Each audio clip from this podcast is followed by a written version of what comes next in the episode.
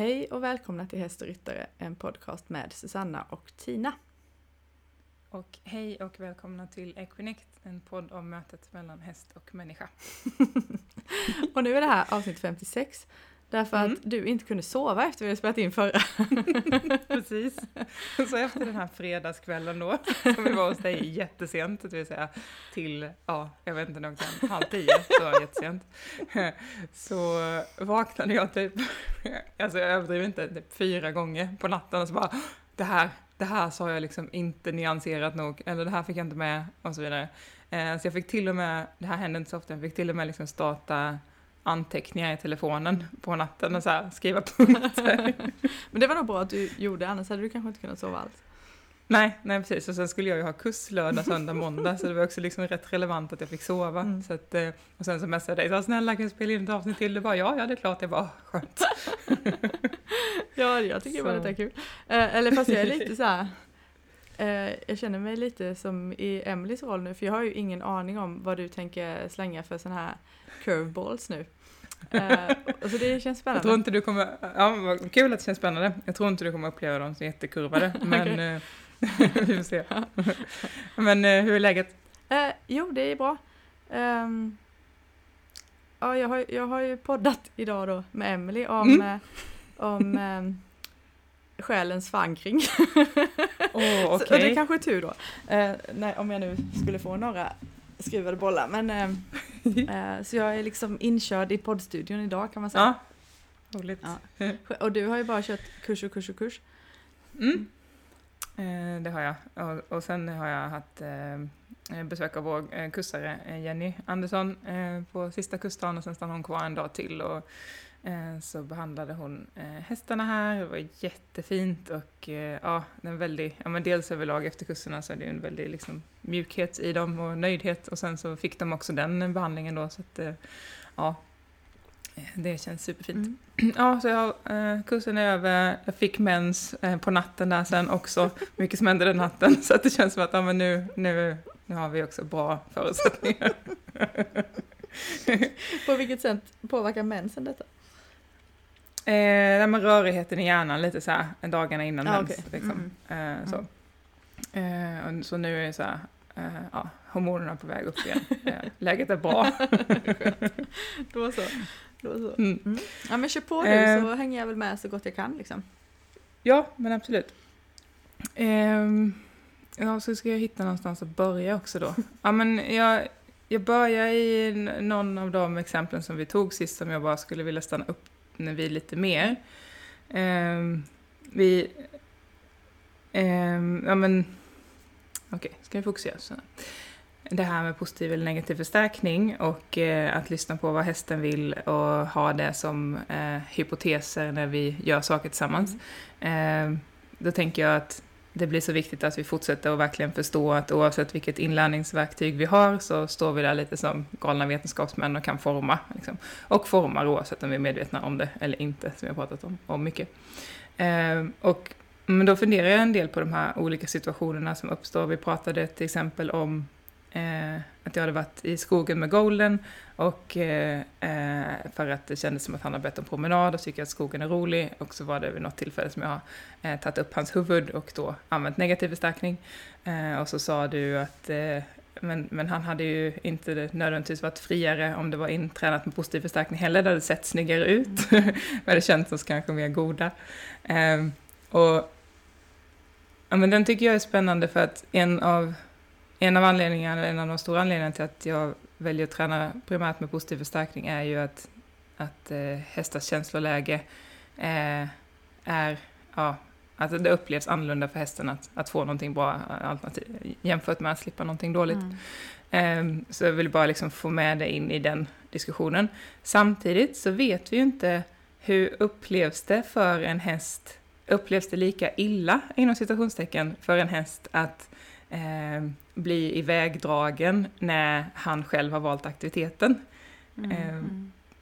Och, och, det kommer vi liksom inte sannolikt kunna forska på, på så sätt som det har forskats på. Liksom, det finns ju eh, studier till exempel på hur hästar upplever lastträning, om de är eh, lastade med negativ eller positiv förstärkning och att de är lugnare och, och mer avslappnade med positiv förstärkning. Eh, men, men de här studierna som skulle vara spännande att göra på sådana här situationer som, eh, som eh, du och Glimra och var det Aus som var handhäst? Eh, Faula. Faula. Eh, och hur det upplevdes där, det skulle man också vilja veta. Mm. För att det vet vi ju inte. Är det, det bör ju inte kännas lika jobbigt för dem när de har varit med på aktiviteten. Liksom. Nej, alltså jag tänker på två saker här. Och det, det första är ju att jag i, i grunden då håller med dig om det du säger att, att positiv förstärkning eh, borde vara ett trevligare sätt. Eh, och, och, och också ett friare sätt. Därför, och, och, där har jag inte så mycket e egen erfarenhet men jag vet ju att lärarna på kursen uppe hos, eh, hos Carolina Fransson eh, sa att ja men om, om hästen inte eh, vad ska man säga om förstärkaren pellet till exempel inte eh, är mer förstärkande än någonting annat de hellre vill göra, eh, då gör, väljer de någonting annat. Alltså det, det, valfriheten finns eh, mm. inbyggd där på ett annat sätt än en, en ren negativ förstärkning där man helt enkelt eskalerar trycket eh, tills att där, där, där det enda valet är antingen så går jag, gör jag det här som jag har förstått ska göras eller så kommer trycket eskaleras till att jag till slut gör det. Mm. Eh, det är ju onekligen rimligt att den ena verkar ha en högre eh, frihetsgrad. Att, att positiv förstärkning har det. Men, och sen är du inne på det här med att eh, liksom hur, kan, hur kan vi undersöka detta? Och där undrar jag lite grann hur tröga du och jag är. Eftersom att vi ändå lyckas spela in ett helt avsnitt utan att riktigt fråga, tala om att vi faktiskt ändå försöker fråga hästarna. Mm. Um, och jag vet att du och jag pratade om det innan vi spelade in sist, att du hade talat med ett antal försvarare. Mm. Vill du Mm. Ingår det ja, men... i dina anteckningar att dela det? Eh, jag minns faktiskt inte riktigt om, eh, fast jag, fast jag lyssnade på inte idag så minns jag inte riktigt huruvida vi tog upp det eller inte, men det gjorde vi inte. Inte just försvararna eh, vet, vet jag. Nej, eh, just det, det var jag pratade om det i helgen, ja, eh, med deltagarna. För, att jag, för jag vill ju såklart vara transparent med folk här också om att jag inte vet Eh, och eh, då var det en av eh, deltagarna där vars, vars flock jag hade varit och pratat med för ett par veckor sedan och hon har en häst där som eh, jag upplever primärt är första, eh, försvarare. Och eh, han var väldigt så här, jag, jag tycker att det är viktigt att du vet vad du vill, eh, jag tycker vi ska ha ett syfte, jag Eh, Eh, vill inte du ska komma hit och hela tiden fråga mig vad vi ska göra. Eh, så liksom, kom igen nu, eh, bestäm dig. Eh, jag, jag litar på eh, vad du säger att vi ska göra. Jag, liksom, jag, jag är här, eh, jag är designad för att göra det här ihop med dig, kom igen. Eh, och så vill han liksom väldigt gärna komma till görande. Och eh, lite roligt var att, det här vet ju inte du för detta hände i lördags, men när vi pratade om det på kursen så, så hade för tjejen går en, en, en onlinekurs i positiv förstärkning och eh, hästen blir ganska frustrerad eh, och då hade hon fått rådet att eh, eh gå runt längs med fyrkantsspåret och ha en hög förstärkningsfrekvens, mata mycket helt enkelt.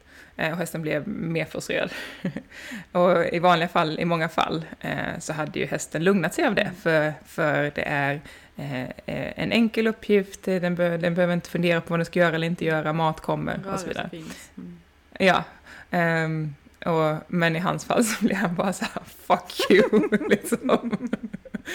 uh, och det här var kanske den tredje, fjärde försvararen jag pratat med på rätt så kort tid, eh, som alla ber om så här, tydlighet, eh, eh, mål, syfte, se till att vi får saker gjorda. Liksom. Men det är ju, alltså är man duktig på positiv förstärkning så finns det väl ingenting som, som motsäger att positiv förstärkning skulle kunna ge de sakerna? E Nej, Eller? absolut. Mm. Nej, det tror jag inte. Men eh, eh, jag ser inte så många som har kommit så långt. Eh, jag har själv inte kommit så långt så jag skulle kunna matcha det. Eh, och då har jag hållit på i några år och haft jättebra lärare. Så att jag, och, och tillbaka till det här som vi var inne lite på i förra avsnittet, att, att hästar tar det utrymmet de får. Mm. Det kan ju vara så att, att de, de ber om, ja men låt oss bara göra det här med negativ förstärkning för att det är så mycket viktigare för mig att få det gjort än att det inte blir gjort och jag vill inte lägga två år till på att du ska lära dig. Eh, det kan vara det, och det kan vara att de faktiskt inte bryr sig. Jag vet inte. Jag, jag frågade Aust, som, ja, för att, eller jag har väl försökt fråga alla men det är inte jättelätt att få svar på de här frågorna. Det är också svårt att veta hur man ska ställa frågan. Mm. Men jag vet inte om jag sa det här på det, men, men för Aust känns det i alla fall, alltså hon, hennes värld är liksom väldigt stor. Um, och frågan om hur, alltså hur vi gör saker och ting är liksom en sån här liten prick bara. Okay. um, ehm, så så det, den, finns, det är inte den finns ju, det är inte så att den inte finns. Men i det sammantagna så är den ju relativt obetydlig ändå. Eh, så som jag förstår bilden från henne liksom. Mm. Um, det har jag alltså inte, det sa jag alltså inte i förra avsnittet så. Nej, nej, nej det gjorde du inte. Nej. Alltså hon, hon beskrev det här när vi var ute och red i måndags. Att Eh, alltså hela upplevelsen för henne är ju om jag förstår det rätt, men det, det som jag förstår henne eh, förmedla är liksom att nu kommer jag inte ihåg nödvändigtvis allt, men, men eh, hon upplever sig själv, hon upplever rörelsen, hon upplever liksom alla sinnen eh, genom alla tider eh, på den här platsen. Plus alla andra individer runt omkring, alla deras sinnen genom alla mm. tider mm. och, och så vidare då. Alltså det, det är liksom, Riser. ja men det är så stort så att man eh, inte fattar det ju. Nej. Och, och då kan man ju lite mer kanske förstå försvararnas bild också då att vi ska bara, vi måste bara ut och få en chans att uppleva detta. Mm. Alltså, ja precis. Det, låt oss inte hindras av om, om du liksom behöver ta mig kraftigt i handen om man ska säga så. Eh, mm. Alltså, eh, det här, det här kan vi inte verifiera på något vis, men, men jag tycker att Nej, bilden är ganska... Ja, den, den tillför någonting.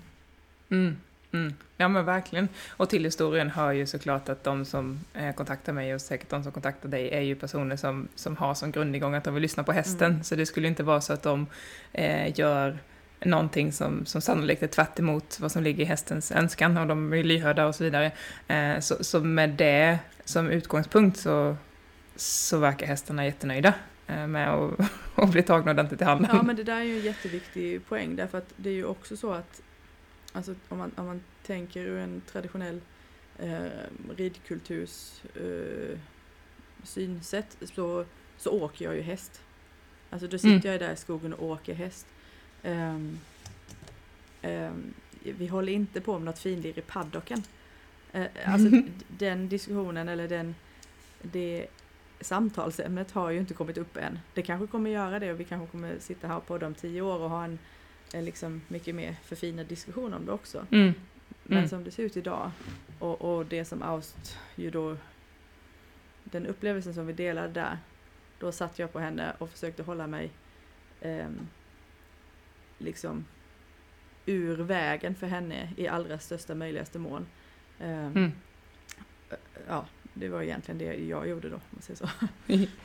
Och eh, det tänker jag också är häftigt att ta upp det som parallell för Eh, Mioridningen går ju ut mycket på det här med att eh, hästen med hjälp av att vi sitter där kan utforska saker i sin kropp som den inte kanske skulle kunna göra på egen hand eller inte tycker är lika roligt att göra på egen hand.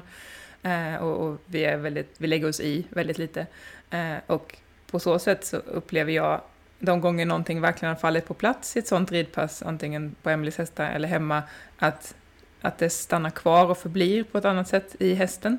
Eh, jämfört med om jag spolar tillbaka bandet eh, några år och något som tränades med negativ förstärkning. Så det är mer likt det som jag tränar med positiv förstärkning, som när Golen som tycker det är rätt roligt med så här kroppsmedvetenhetsövningar och, och sådär.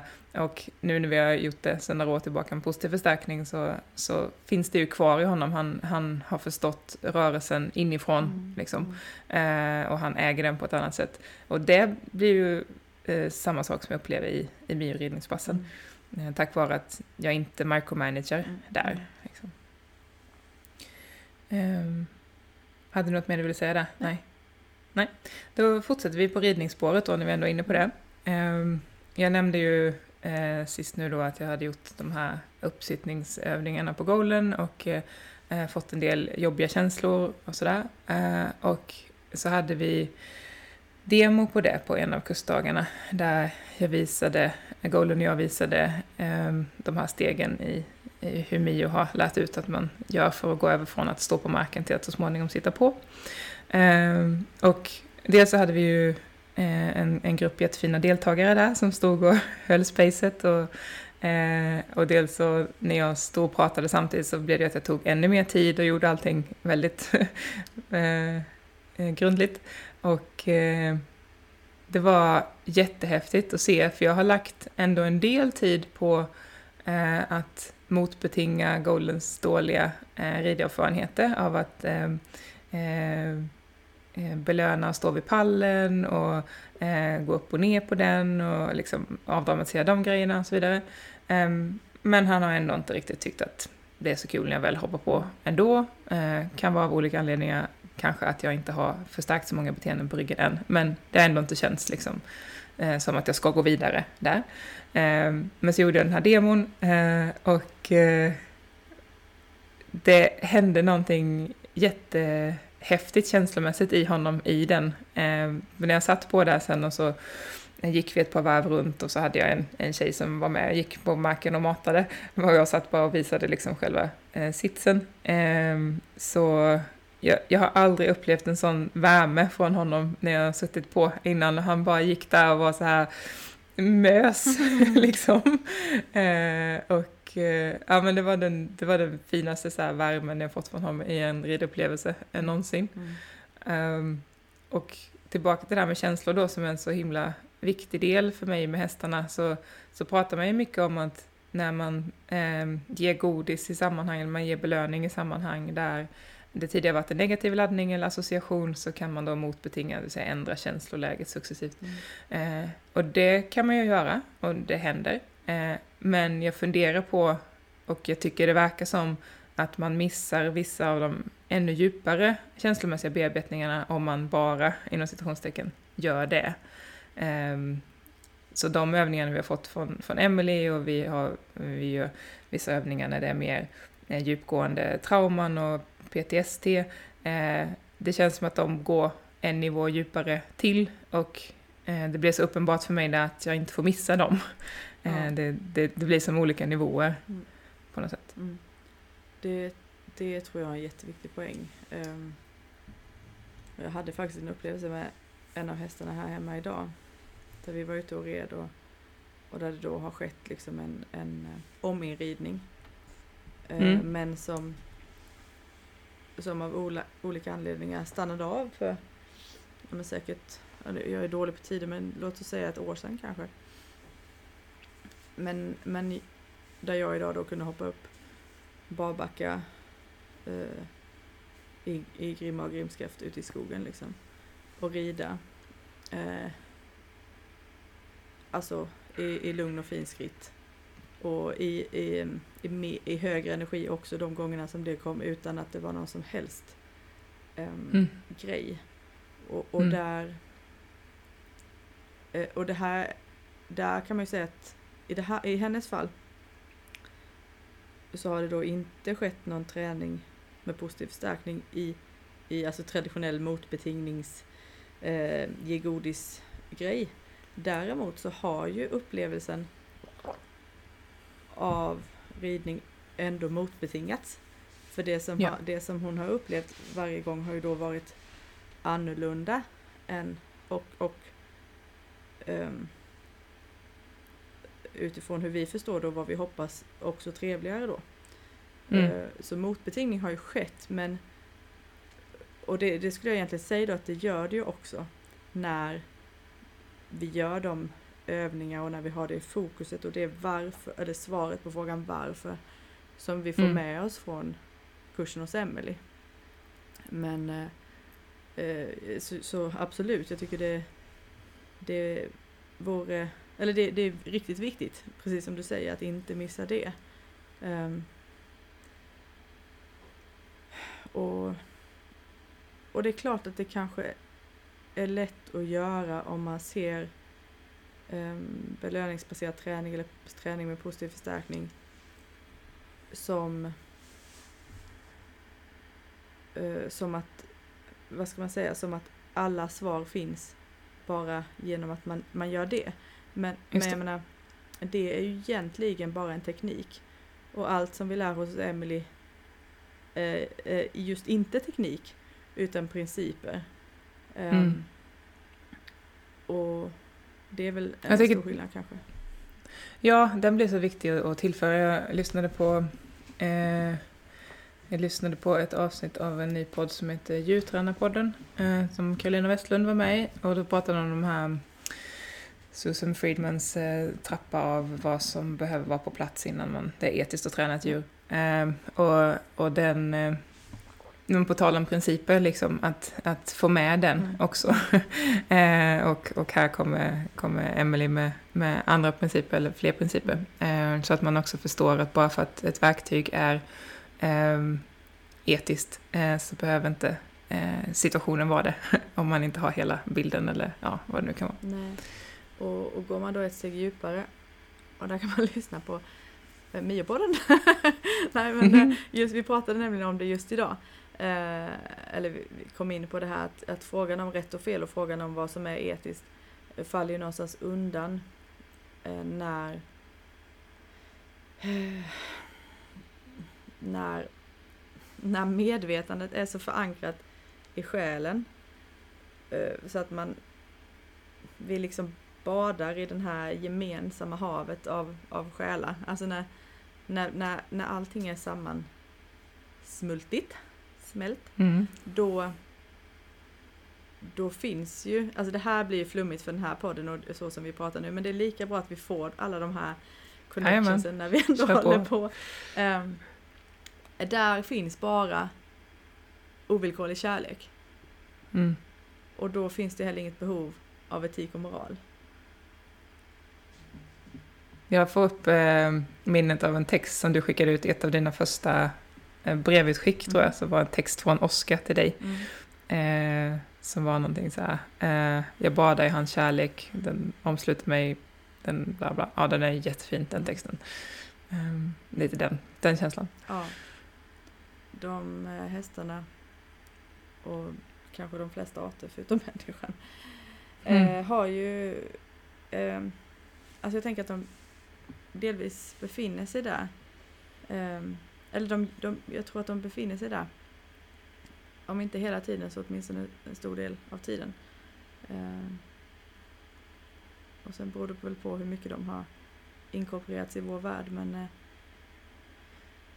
det är väl det som är så läkande för människan också i mötet med hästar, att få speglas i en ovillkorlig kärlek. Det är ju liksom inte så fel.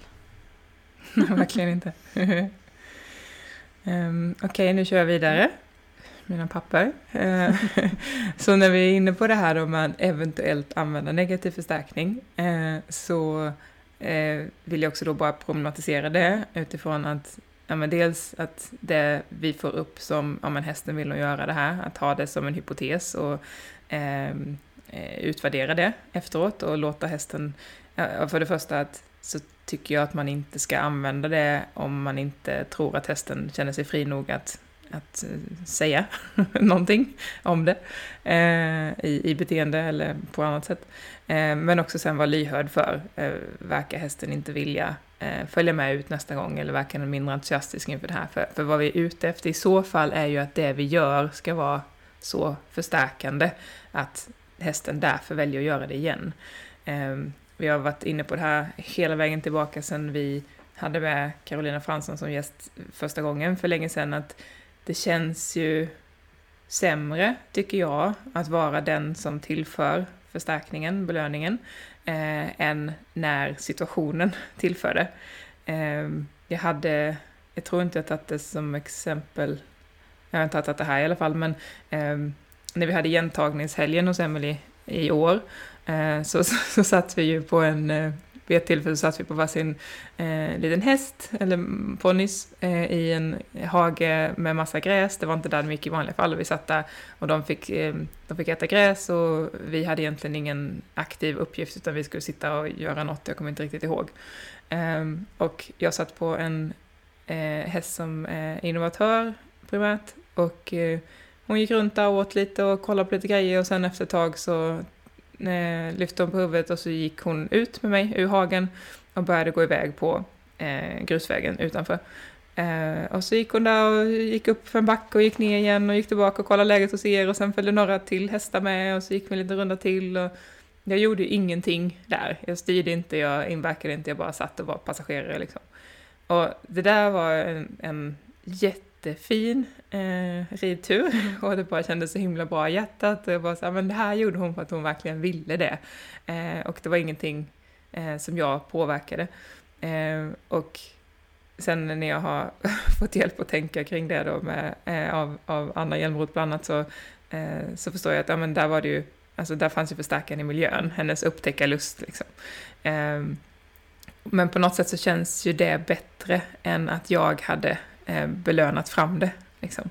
Eh, och om vi nu ska använda eh, en negativ förstärkning eller rida på en våg av gammal kommunikation så, eh, så, så blir det ju verkligen superdunderviktigt att vi håller utkik efter vad, vad är det hästen verkar tycka är roligt. Väljer den fortfarande att göra det här? Eller likadant som nu blir det en lång utläggning, jag är ledsen och du får hoppa in snart. Nej, Men som, som uh, Sky, uh, vi var inne på det också när jag sa att jag hade ut henne på gården och följde taget och sådär, att min, min tanke där nu är ju att jag, jag lär in, jag behöver ett kommunikationssätt, uh, jag lär in det med positiv förstärkning, men jag vill så snabbt som möjligt undersöka vilka, när vi väl har den, när hon, hon vet att eh, ja, men hon vet olika signaler som jag har lärt henne, taktila signaler i grimman eller vad det nu kan vara. Eh, så vill jag ju undersöka vad, vad tycker du är kul, vart vill du gå, eh, vad, vad blir så roligt för dig så att jag inte behöver belöna Möllusernet eller Kli för att aktiviteten är så, så kul. Liksom. Eh, ja, den behövde jag bara få sagd. Mm. um, det som kommer upp här är ju kanske, kanske det här vad, vad du ställer för fråga till hästen. Om frågan är vad tycker du är kul? Um, vad, alltså det kan ju vara jättesvårt att svara på. Hon har ju aldrig gått där. Och, och är hon då innovatör eller, eller liksom eller bara häst och i seeking mode liksom. Då kanske mm. hon vill gå och, och utforska men men eh, eller, eller så är hon i något annat mode och vill äta just nu eller um, Alltså det, det, betyder ju inte att hon kanske Alltså det, det jag vill komma till är nog att jag är glad för den här frågan som, som har dykt upp i mitt liv som är um, Hur skulle vi kunna uppleva mer liv just mm. nu, du och jag? Tillsammans. Mm. Och, och, och, då kan ju svaret vara nej tack, inte tillsammans såklart. Men, mm. men ähm, Ja, men jag tror det går tillbaka lite till det där som vi pratade om i förra avsnittet med Carolina Fransen. Att bara för att de gör någonting betyder inte att de är motiverade att göra det eller vill göra det. Mm, precis. Och, och, det är väl det också, det är väl där som vi kommer i den här ganska svåra konfliktsituationen egentligen. Eh, om vi har uppfattat en längtan eller ett önskemål från hästen eh, genom att dela medvetande då vill vi på något vis verifiera den eh, med, eh, ja men som du nu beskrev. Men, men om vi då vet att bara för att man gör någonting behöver man inte vare sig vilja eller vara motiverad att göra det. Vilket ju också är vad Emelie säger. Man, alltså så fort vi tolkar eh, ett lydigt beteende, gör jag citationstecken i luften, eh, som att man vill göra det, eller ett olydigt eller ett eh, nekande beteende, som att man inte vill göra det, så är det inte säkert att man har förstått det rätt. Och jag Mm. menar då, vad har vi då? Utifrån det som du nu har pratat om. Alltså förstår du vad jag menar? Jag vet. Ja, verkligen. Ehm, och, och där kanske hur vi väljer att göra kommer se olika ut eh, lite beroende på vad vi är. Vi vet ju, vi konstaterade ju sist att vårt svar på den, det problemet har varit att inte göra någonting. Eh, och nu har för mig då den vågskålen tippat över till att ja, men uppfattar jag en längtan då går vi ut och gör det eh, med befintliga eh, metoder. Även om jag då, det är inte liksom så att jag har uppfattat att jag vill rida liksom ett eh, medelsvår dressyrpass och sen, alltså det är inte det liksom. Det finns, det, längtan ligger någon annanstans.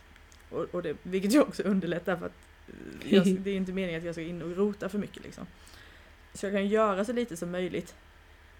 Men det är då primärt med, med ehm, tryck och eftergift, säger vi i det här fallet. Låter bättre. Mm. Ehm, ja, så, vi, så själva, själva problematiken kvarstår väl egentligen.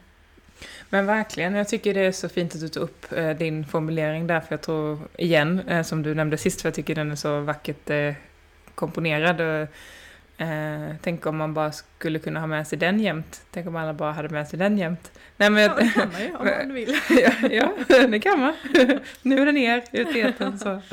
Eh, nej men, eh, i, i viktigt perspektiv, jag tänkte på det igår när Epona har bytt hage och så har vi tillgång till paddocken rätt smidigt för första gången på jättelänge. Eh, och där är det smidigt att springa runt och, eh, och så vidare. Och så eh, gick vi in där och så började hon trava runt och tyckte det var skojigt. Eh, men sen ibland när hon gör vissa övergångar så liksom grimaserar hon lite. Eh, och jag bara tänkte på det när, eh, när du sa det här om ja, men din fina utläggning nu precis. Att, och, och så hörde jag henne i skallen eh, under tiden som du pratade att backa inte av nu Susanna bara för att jag kommer liksom behöva ta i ibland. Eh, alltså, Ja, just det. Ja, så. Ja, just det. Det, det är Eh, okej tolka att, inte att det det som svårt, nej. Liksom. Ja, precis. Jag vill, jag vill bli bättre. Ja. Liksom. Herregud. Ja, låt mig Det är kämpa. som när du ska lyfta 100 kilo i marklyft Mm, liksom. Kom igen. Mm. Så. Eh, så att, ja, det är mm, spännande. Väldigt spännande och, och kanske också just det där att den, nu, nu, nu kommer vi in på liksom områden som ja, men egentligen respekt liksom och tillit till den andres Ja. förmåga. Ja. Eh, inte bara tillit till den andres förmåga att stå i någonting som eventuellt kan upplevas som svårt. Men, men, ja, men också att, att kliva in och vara sig själv och vara det i förhållande till dig. Alltså, Mm, precis, precis. ja. För sån är hon ju i hagen och sån är hon ju någon som springer runt och gör grejer Ja. liksom. Att, eh, hon räds ju inte de situationer där hon behöver trixa Mm. lite. Eh, och det är klart att inte jag ska lägga upp det som att vi bara ska ha det flowigt och mjukt och harmoniskt. Alltså, ja, om du Jag fattar. fattar. Eh, ja, spännande. Mm. Med det sagt så vill jag, har några punkter Också. på min lista kvar. ja. eh, så vill jag också bara att man ska hålla utkik efter lättnaden som kan komma för en häst när den slipper tryck eftergiftssessionen. Om en häst har varit med om någonting som eh, ja, men den har blivit runt eh, longerad eller runt eh, sprungen eh, och eh, den inte ville det och eh, sen efteråt så eh, kan det se ut som, och det här har jag lärt mig av dig, eh, att hästen ser nöjd ut. Den pustar ut, liksom, den verkar lugn och harmonisk och avslappnad. Så. Det behöver ju inte betyda att den ville göra grejen. Precis. Och jag menar, jag tror att, jag tror att um, om jag hobbypsykologiserar dig här nu och, och Mm. funderar på varför du vaknade så många gånger den där natten. Så tror jag att, att skillnaden mellan dig och mig just nu i det avseendet är att, att du tänker på vad andra kommer ta ut av vårt samtal och gå hem och göra. Jajamän. Och, och Yes. där är det klart att ehm, det som, det som vi nu beskriver att vi står i är ju inte på något vis en bruksanvisning. Och det Nej. är ju extremt viktigt att påtala. Eh, mm. det, det enda vi beskriver är egentligen en, en, form av, det är som att ta ett foto, en, en, en stillbild mm. i någonting som hela tiden dynamiskt förändras. Och, och det är därför det är bra när podden är aktiv kan man ju säga. För då, då får man liksom med, med mer av liksom flera stillbilder som i alla fall staplas på varandra så man ser att det har skett en förändring. Ehm, mm. Men, eh, men för allt i världen, gå inte hem och tänk att ja okej, okay, de, de förespråkar positiv förstärkning eller de förespråkar negativ förstärkning eller de förespråkar eh, bara lyssna på hästen och skit i om den går iväg. Alltså vi, vi förespråkar mm. i princip ingenting. Vi, nej men allvarligt, eller i alla fall nej, jag, jag är inte odelat positiv till något. Men, men jag är sjukt nyfiken. Ja. Och jag hade ju aldrig vågat göra det här utforskandet om inte det vore för Emily-kursen. Alltså det, det, är tre års mangling nu. Mm. Mm. eh, av att tidigare ha varit jättemycket mer i att jag, jag backar av, eh, jag ber om ursäkt för att jag ens har hästen, för jag kan inte ge dig alla dina naturliga behov och så vidare.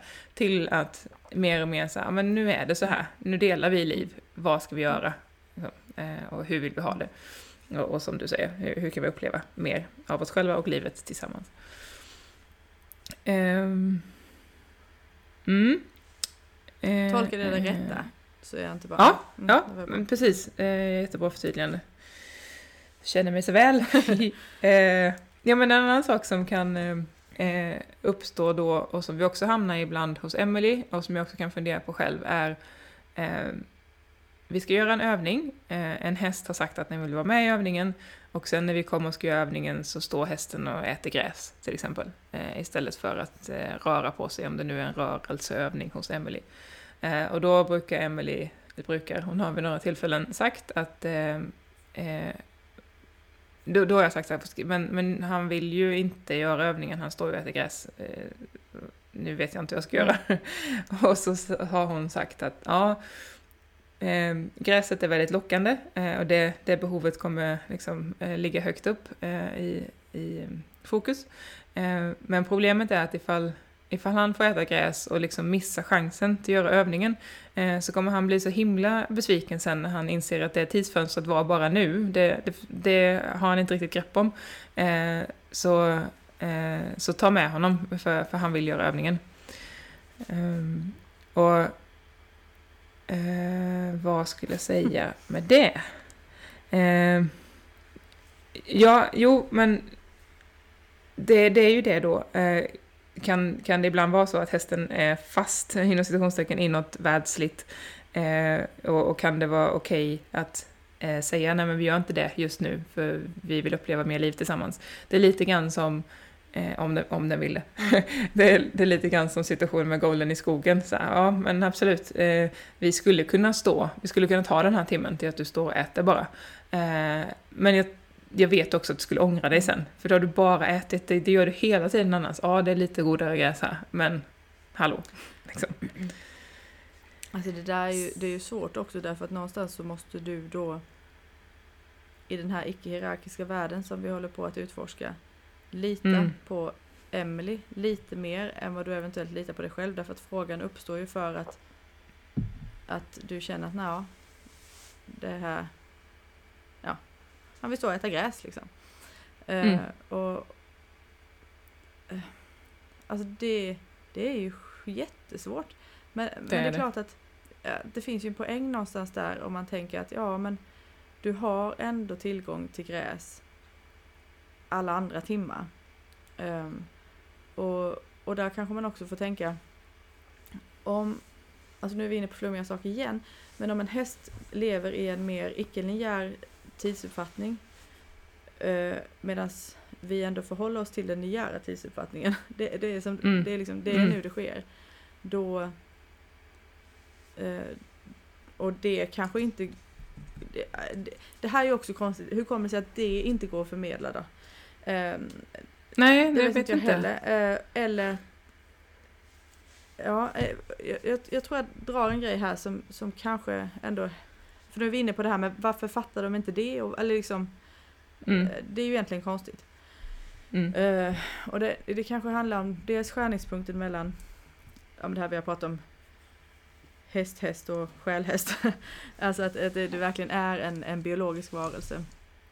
Eh, som då också har ett, ett eh, större, ett, eller ja, men säga då ett själsligt förankrat medvetande som vi kan få lov att dela. Eh, men Innan du pratar Mm. vidare, förklara den igen, för jag tycker den är så bra och det var ju ett tag sedan vi pratade om det. Ja, alltså nu, ja, det är egentligen den bästa förklaringen kanske kom, kanske också drog i mig på det, men det var, det var en häst, eh, en, en eh, hingst i, i Jordanien. Och där Emily beskriver, han är liksom en, eller om det var han själv som beskrev sig som en sprallig ung hingst liksom som, ja, som inte kan kontrollera sina instinkter. Eh, och samtidigt då eh, eh, en individ med djupa andliga, djupa andlig, först- djup andlig förståelse eller vad vi nu ska kalla det. Kraftiga, Mm. Kraftfulla insikter. Men de här två eh, existerar ju samtidigt. Det är liksom inte antingen eller. Det, det är hästarna, precis som människorna är biologiska varelser med, med instinkter och gener och DNA. Alltså, det, vi är djur. Eh, och, och dessutom har vi alla de här rollerna att förhålla oss till. Och sen då så, kan, så finns det också en, en eh, förankring i någonting större. Ehm, men man får inte glömma den, ja, den biologiska varelsen. Nej, och, ib- mm, och ibland kan det, de, det gå åt olika håll, eller de Ja. önskemålen gå åt Ja, olika håll. liksom. ja. Mm. Men, eh, men eh, jag vill bara knyta an till, Mm. eh, när Emily fick ju, det kanske hon fortfarande får, men framförallt i början av sin karriär, väldigt ofta frågan, vem är ledare i flocken? Och då fick hon ju av hästarna då aldrig något svar på det, utan varje gång hon ställde den frågan så fick hon av hästarna bara en beskrivning av deras olika roller och funktioner i flocken. Mm. Och ibland så tänker jag på den här frågan om hur vi ska träna hästarna. Som Mm. en liknande sån där eh, situation. Alltså att Mm. vi, vi tycker att vi ställer en fråga som är klar och tydlig men i deras begreppsvärld, i deras verklighet så ser det så annorlunda ut att vi ännu, alltså varför, varför skulle det annars vara så svårt att få svar på den här frågan? Alltså, Mm. eller, ja men vi Och varför fick ju kommer- ett svar varför- på ett sätt, med, eller jag till exempel fick svar på Aus och du fick svar för försvararna men, men det är ju inte som att vi har kommit fram till någonting riktigt generellt den vägen i alla fall. Nej, och det är inte som att de flesta hästar ens tar upp det. Nej eh, precis, de tar ju inte upp det. Man, får, man får ju fråga och så antingen får man inget svar tycker jag. Eller Mm. så får man något som man inte begriper. eller så får man det som vi nu har delat om. Ja, eller så är det liksom så här bara att aktiviteten de gör och gillar ska fortsätta. Mm. Och så tar de inte överhuvudtaget upp hur det ska Nej, gå till. precis. Man, man, nej, Eh. man får ju ofta en bild så att ja men det verkar finnas en, en, en längtan faktiskt eh, till att du sitter på. Eller det verkar vara okej att du sitter på. Det, det, är bekom, det, är liksom, det är lite varken eller men det är okej om du vill. Typ sådär. Mm. Alltså, det är Mm, en typ av precis. svar. Ja. Och då är vi igen på den här frågan, handlar det om ehm, att man inte kan föreställa sig någonting eh, Ja. som man inte tidigare upplevt. Precis. Ja. Mm. Mm. Ja, det säger det så enkelt.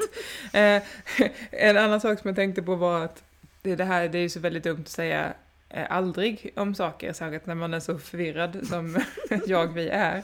Men eh, jag, jag sa ju vid ett tillfälle på podden att jag eh, aldrig ville använda eskalerande tryck Mm. eh, och så sa du så här, men fan det gör jag när jag är ute och liksom handhäst så. Eh, och så sa jag, ja men det gör jag också, eh, insåg jag ju när jag eh, drar i golden när vi ska gå vidare. Eh, för att nyansera det lite så, vad, vad jag vill eh, är ju, och vad jag tror att jag inte kommer gå tillbaka till, är att använda det eh, eskalerande tryck i en situation som är för min skull. Mm. Eh, som jag bara är så här, men nu, eh, jag känner min sann för Ja. att rida, jag känner min sann för att göra det. Det, det känns liksom så här helt utanför min värld Ja. nu. Eh, så. Och det är väl så Ja, långt se- utanför att, det, att man till och med missar att prata om det. Alltså Ja, det är precis. ju lite det vi talade om innan, att det är liksom det går inte att förstå det här poddavsnittet tror jag. ehm, eh, eh, Börja inte här, börja inte här. nej precis, det går liksom inte att lyfta ur det ur sitt sammanhang. Då Nej. blir det ju väldigt förvirrande.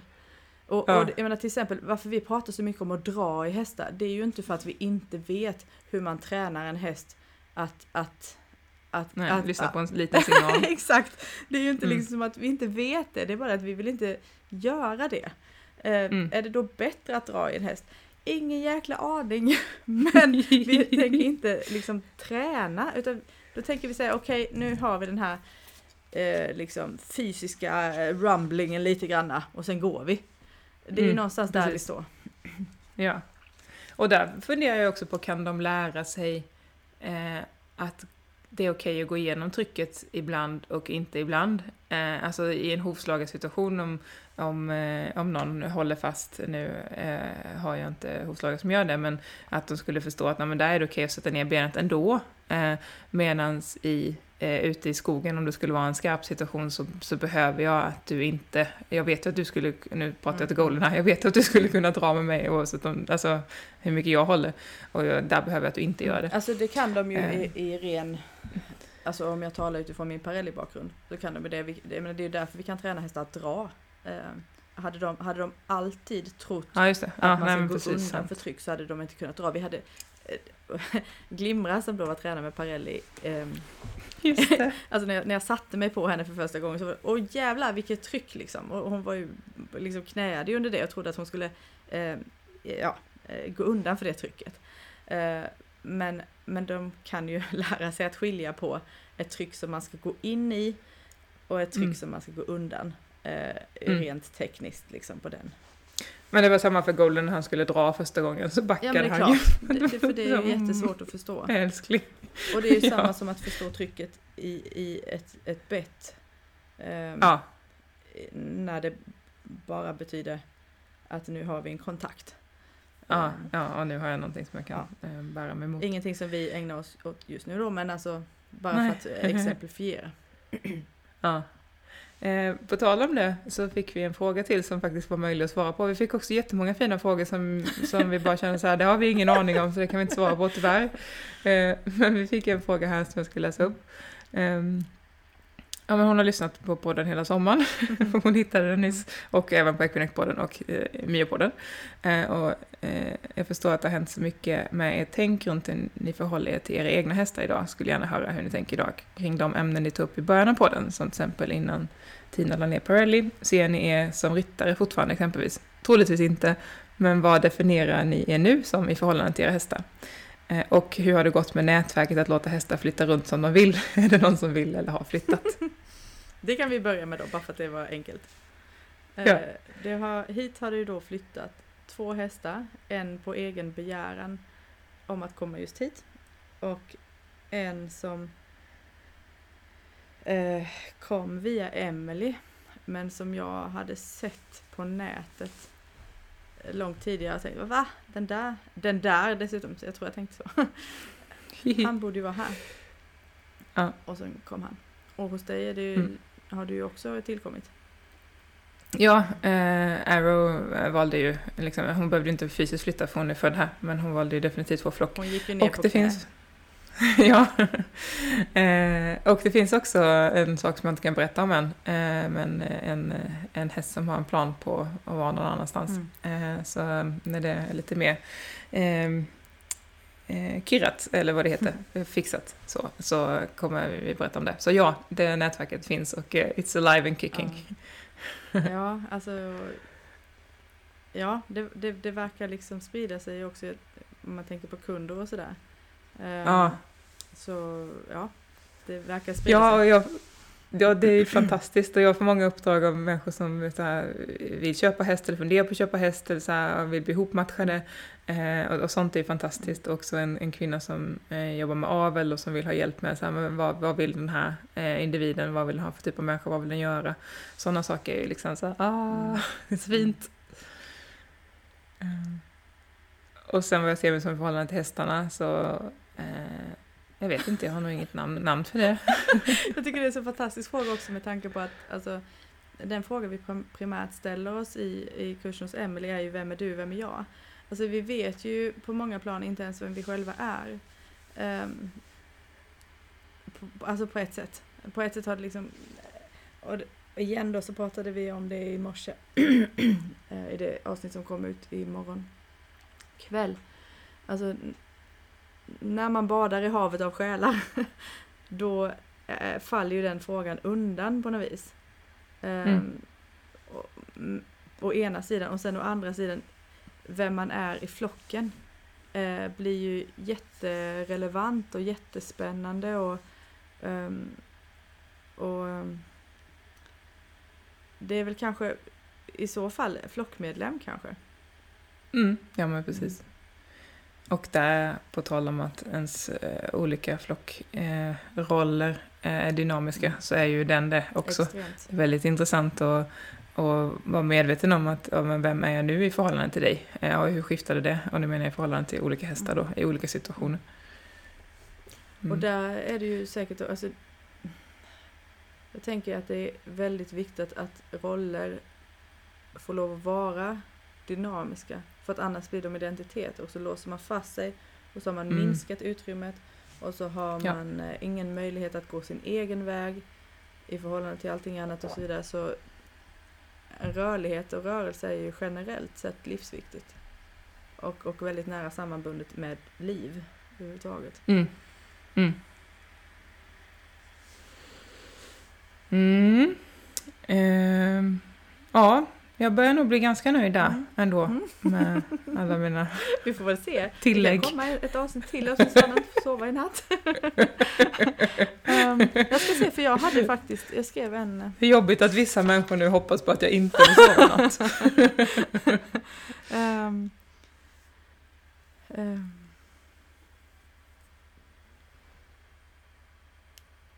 nej, ja. Tycker, tycker nog att det här är eh, väldigt spännande. Jag eh, har inget att tillägga Susanna.